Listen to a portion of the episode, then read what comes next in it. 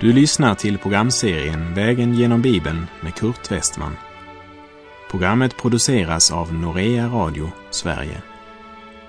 Vi befinner oss nu i Kolosserbrevet.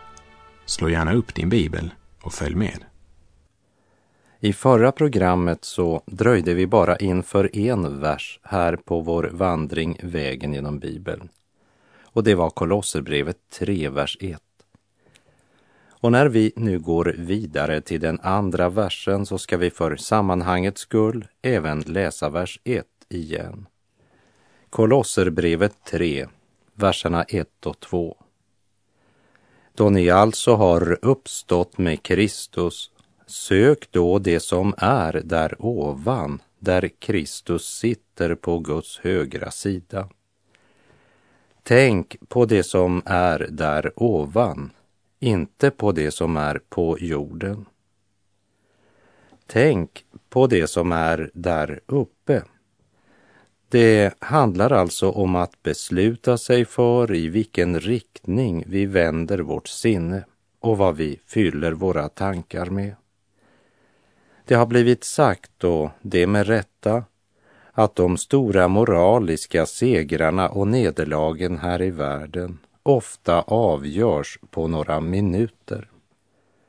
Till de troende i Filippi sa Paulus, allt som är sant och värdigt, rätt och rent, allt som är värt att älska och uppskatta, ja, allt som kallas dygd och förtjänar beröm, tänk på allt sådant. Det vill säga allt som är i Kristi anda. Det handlar om att leva i ögonblicket och samtidigt alltid ha evighetsperspektiv. För livet är fyllt av alla sina små problem, allt ifrån att ha en besvärlig granne, en irriterande svärmor, en konflikt med en kollega på jobbet eller något liknande. Och det är problem som är högst verkliga i vår vardag men det absolut viktigaste och största behovet för oss är att komma igenom till liv i Kristus. Det löser inte alla våra vardagsproblem, men det ger vardagsproblemen en rätt dimension. Vi borde först av allt söka Guds rike. Tänka på det som är där ovan för när det får fylla våra tankar så får Kristus också prägla våra hållningar och handlingar. Paulus ger dem en förmaning om vad de borde fylla sina hjärtan med och rikta sina tankar emot. De borde fokusera sina tankar mot det som är där ovan. Och han begrundar detta när han i Kolosserbrevet 3.3 säger Ty ni har dött och ert liv är dolt med Kristus i Gud. Jag är korsfäst med Kristus, skriver han i Galaterbrevet 2.20. Du dog för nästan 2000 år sedan när Kristus dog. Han dog istället för mig. Han dog istället för dig. Vi är korsfästa med Kristus och han dog för alla, för att de som lever inte längre ska leva för sig själva, utan för honom som har dött och uppstått för dem. Och det är det Paulus uttrycker så här i Kolosserbrevet 3, vers 3. Ty ni har dött och ert liv är dolt med Kristus i Gud. Gud har i Kristus avväpnat väldena och makterna när han på korset triumferade över dem. Därför ska vi tänka på det som är där ovan och inte åter låta oss värva av de onda makterna.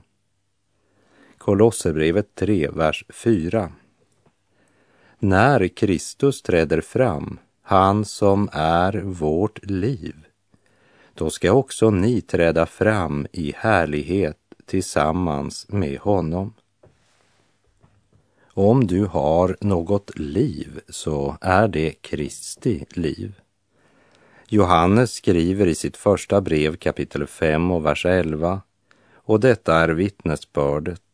Gud har skänkt oss evigt liv och det livet är i hans son. Den som har sonen har livet. Den som inte har Guds son har inte livet. Detta skriver jag till er för att ni ska veta att ni har evigt liv, ni som tror på Guds sons namn. Paulus kallar Kristus för han som är vårt liv. Du är försonad genom Kristi död och du blir frälst genom Kristi liv, som det står i Romarbrevet 5.10. Ty om vi, medan vi var Guds fiender, blev försonade med Gud genom hans sons död, hur mycket säkrare ska vi då inte bli frälsta genom hans liv, när vi nu är försonade? När Kristus bor i dig genom sin ande så ger han dig allt vad du behöver till liv och Guds fruktan. Allt du behöver för att vara ett ljus och ett salt där du vandrar fram i vardagen.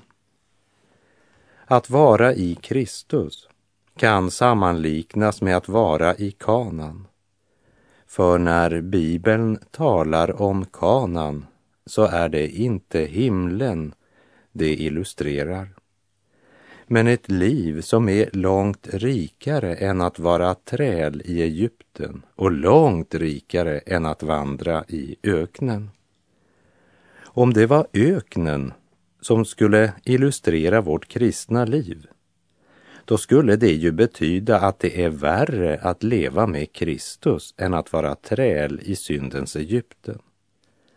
Men det är löfteslandet Kanan som illustrerar livet i Kristus. Räddningen för Israels barn bestod inte bara i att bli förda ut ur Egypten, utan det bestod lika mycket av att de blev förda in i landet som Gud hade lovat dem. Frälsning är alltid en dubbel sak. Du blir frälst från något och du blir frälst till något. Jesus säger i Lukas 19.10 att Människosonen har kommit för att uppsöka och frälsa det som var förlorat. Det är ut ur Egypten, friköpt från slaveriet. Och i Johannes 10, vers 10 säger Jesus, jag har kommit för att de ska ha liv, ja, liv i överflöd. Det är in i kanan. Guds mening med att befria Israels barn från träldomen i Egypten var ju att föra dem in i kanan. Varför skulle du då leva i den torra och ödsliga öknen? Paulus säger i Galaterbrevet 2, vers 19 och 20. Ty jag har genom lagen dött bort från lagen för att jag ska leva för Gud. Jag är korsfäst med Kristus och nu lever inte längre jag utan Kristus lever i mig. Och det liv jag nu lever i min kropp, det lever jag i tron på Guds son som har älskat mig och utgivit sig för mig. Och i Filipperbrevet 1.21 säger han, för mig är livet Kristus. Och från Kolosserbrevet 2, vers 9 och 10 minns vi att Paulus sa om Jesus, ty i honom bor gudomens hela fullhet i kroppslig gestalt och i honom är ni uppfyllda. Det vill säga, Kristus är inte bara en del av vårt liv, men Kristus är vårt liv. Och när Kristus, han som är vårt liv, träder fram, då ska också vi träda fram i härlighet tillsammans med honom.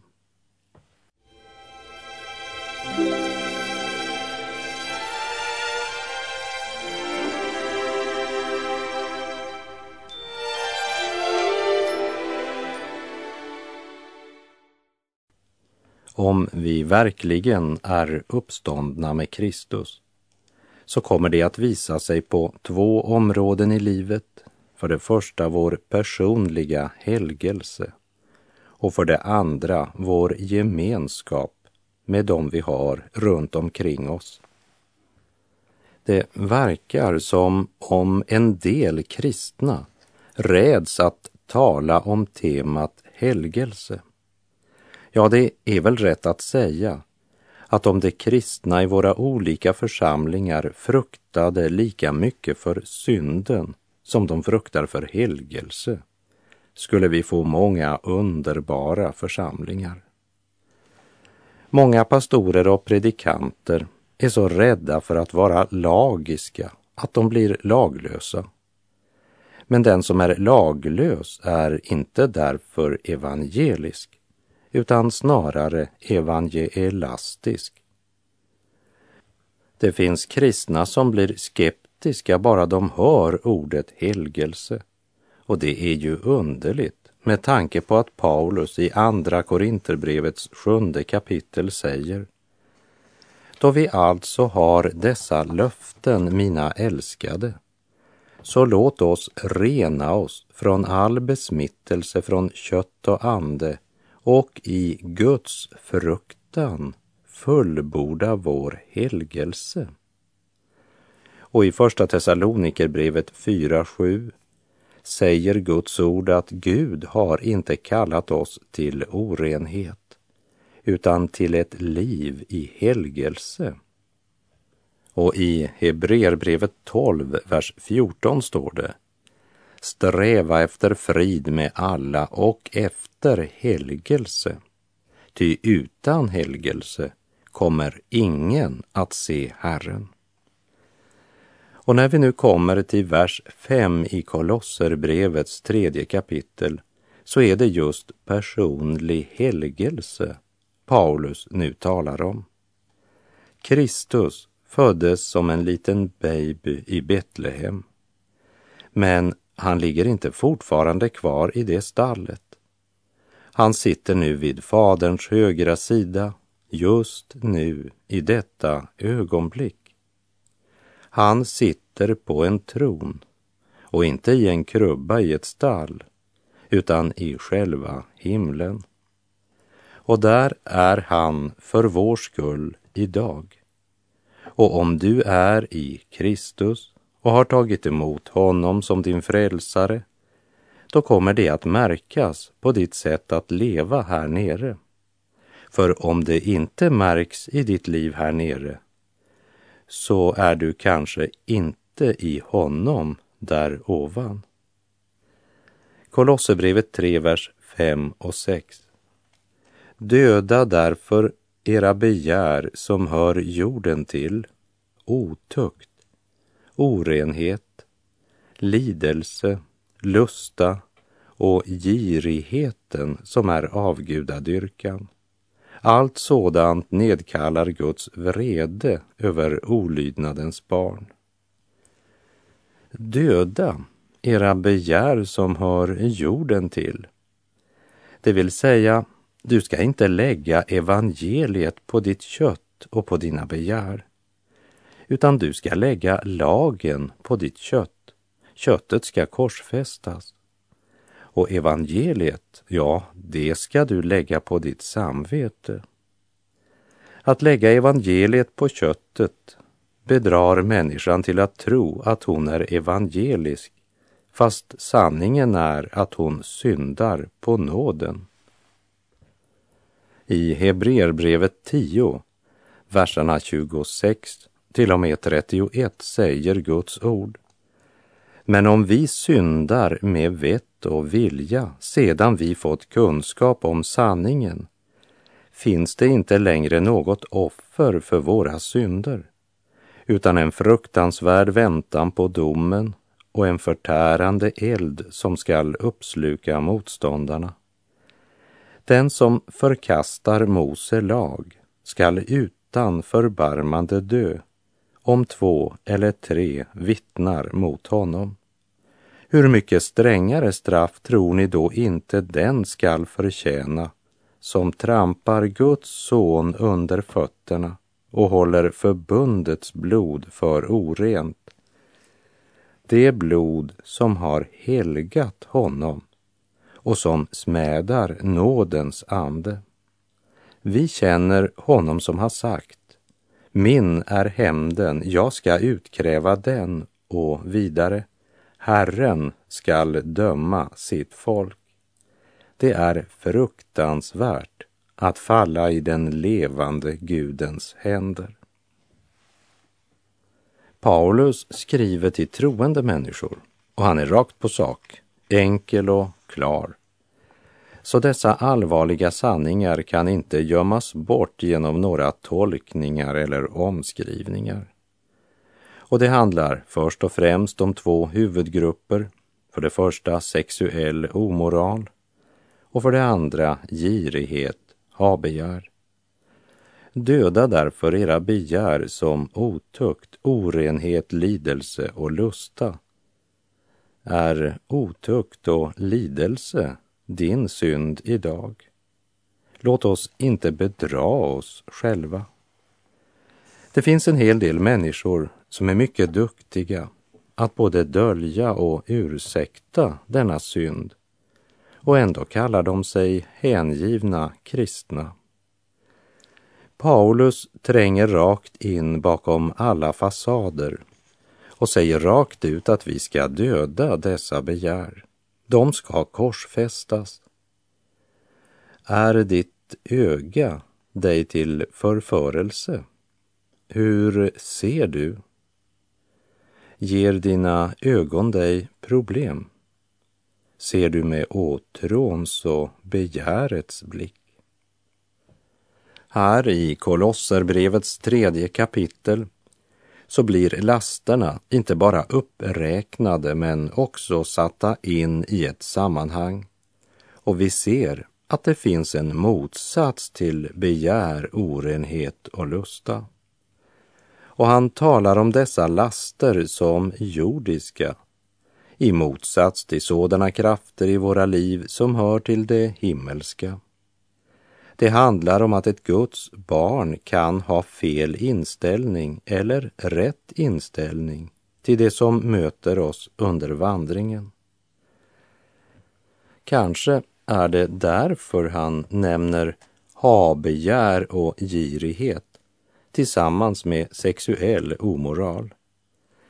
För den jordiska ser på allt som något som kan tjäna min bekvämlighet och min livsnjutning. Girigheten står mycket centralt i den här uppräkningen som vi möter i kapitel 3. Kanske därför att i de flesta människors ögon så godtas girigheten när den hålls innanför vissa gränser. Bara när den blir uppenbart grov fördöms girigheten. Paulus säger rakt ut att girighet är avgudsdyrkan. Både den sexuella omoralen och girigheten sätter det skapade framför skaparen, vilket är typiskt för den jordiska människan. Det är som om Paulus ville säga, en tro som inte har förändrat dina hållningar och ditt liv har inte heller frälst din själ.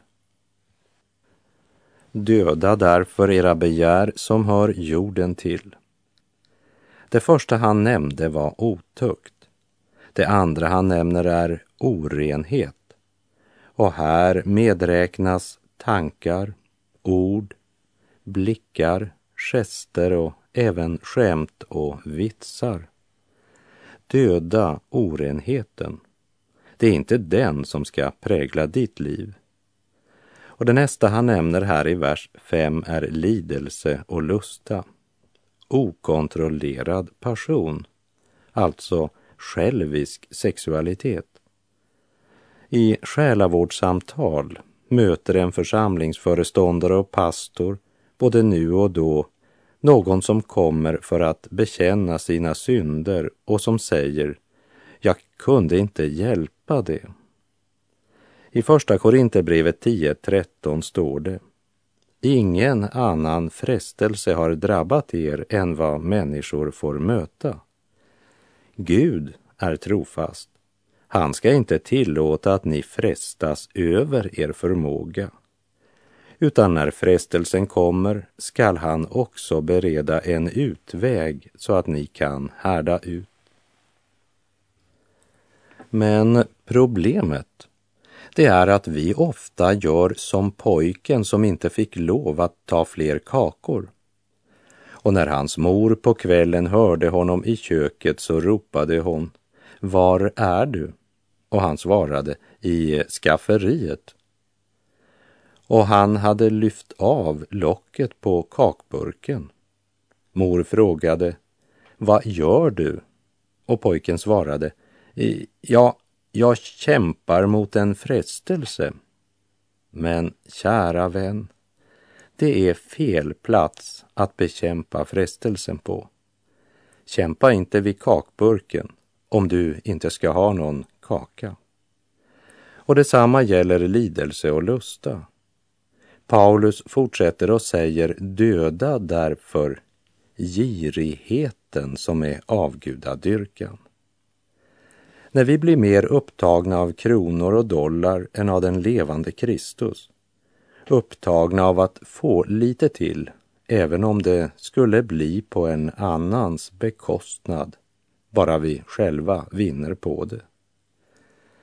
När vi ibland får se bilder från andra länder där de stackars människorna springer till sina tempel och avgudabilder med sin rökelse, tycker vi synd om dem eftersom de vandrar i mörkret.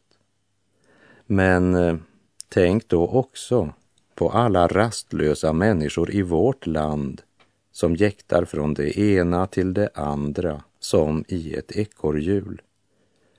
På väg till sin avgud, till allt det som styr deras liv. När girigheten får den minsta lilla del av oss så börjar vi genast att värdera tingen runt omkring oss allt för högt. Vi glömmer att det synliga är förgängligt. Döda därför era begär som hör jorden till, otukt, orenhet, lidelse, lusta och girigheten som är avgudadyrkan. Och han begrundar denna sanning med det han säger i Kolosserbrevet 3, vers 6 och 7. Allt sådant nedkallar Guds vrede över olydnadens barn. Bland dem vandrade också ni en gång då ni levde i dessa synder.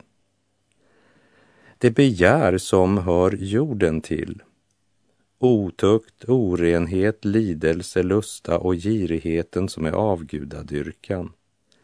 Det nedkallar Guds vrede över olydnadens barn. Det finns inget försvar för sådana ting.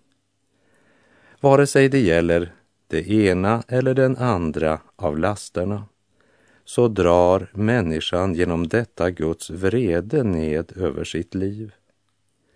Innan de hörde evangeliet och kom till tro så levde även de som nu tillhörde församlingen i Kolosse i dessa synder.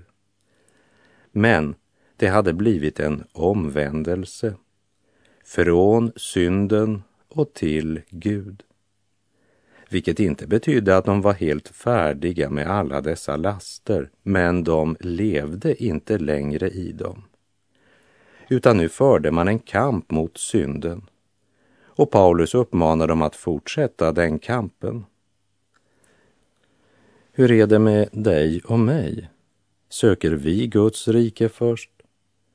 Eller blir vi gripna av samma saker som det som hör denna världen till? Och för vilka Gud en gång ska döma dem? Är det så, hur kan vi då inbilla oss att vi ska kunna komma undan Guds dom? Om du är i Kristus, sök då det som är där ovan ju mindre plats vi själva tar i vårt liv, ju större och rikare lever vi. Paulus visste att han inte var här för att utveckla sitt eget andliga liv utan för att uppbygga Kristi församling. Låt oss inte dricka ur vilken som helst pöl, utan låt oss dagligen ösa rikligt från källan Jesus Kristus. För ju mer du dricker av den, desto mera flödar det över till andra. Sök det som är där ovan, så blir du inte så involverad i allt som hör denna världen till. Vi läser Kolosserbrevet 3, verserna 8 till och med 10. Men nu ska också ni lägga bort allt detta, vrede, häftighet, ondska. Låt inte smädelser och fräckheter komma över era läppar. Ljug inte på varandra. Ni har ju klätt av er den gamla människan med hennes gärningar och klätt er i den nya människan som förnyas till rätt kunskap och blir en avbild av sin skapare. Det är eh, vanor och intressen som vi ska vända oss bort ifrån och avlägga oss, så som man lägger av sig ett klädesplagg. Och det handlar inte om att sända dem till kemtvätten, men om att bränna dem på soptippen. För vanor är antingen som kork eller som bly. Det håller dig uppe eller det drar dig ned. Det första vi ska lägga bort är vrede och vredens utgång är ångerns ingång. Och någon har sagt att vår egen vrede skadar oss mera än det onda man begår emot oss. Det andra vi ska lägga bort är häftighet, det vill säga ett hetsigt, okontrollerat humör. Det har att göra med att handla innan man tänker eller låta munnen tala innan hjärnan är kopplad in. Det tredje är ondska. Och ondska är vrede som frusit till is. I Efesebrevets fjärde kapitel sa Paulus, låt inte solen gå ner över er vrede och ge inte djävulen något tillfälle. Smädelser, ja det är hån mot Gud. Fräckheter har både med ord och hållningar att göra. I Efesierbrevet 5.3 står det, men otukt och all slags orenhet eller girighet skall inte ens nämnas bland er. Det anstår inte det heliga. Inte ens nämnas bland Guds barn.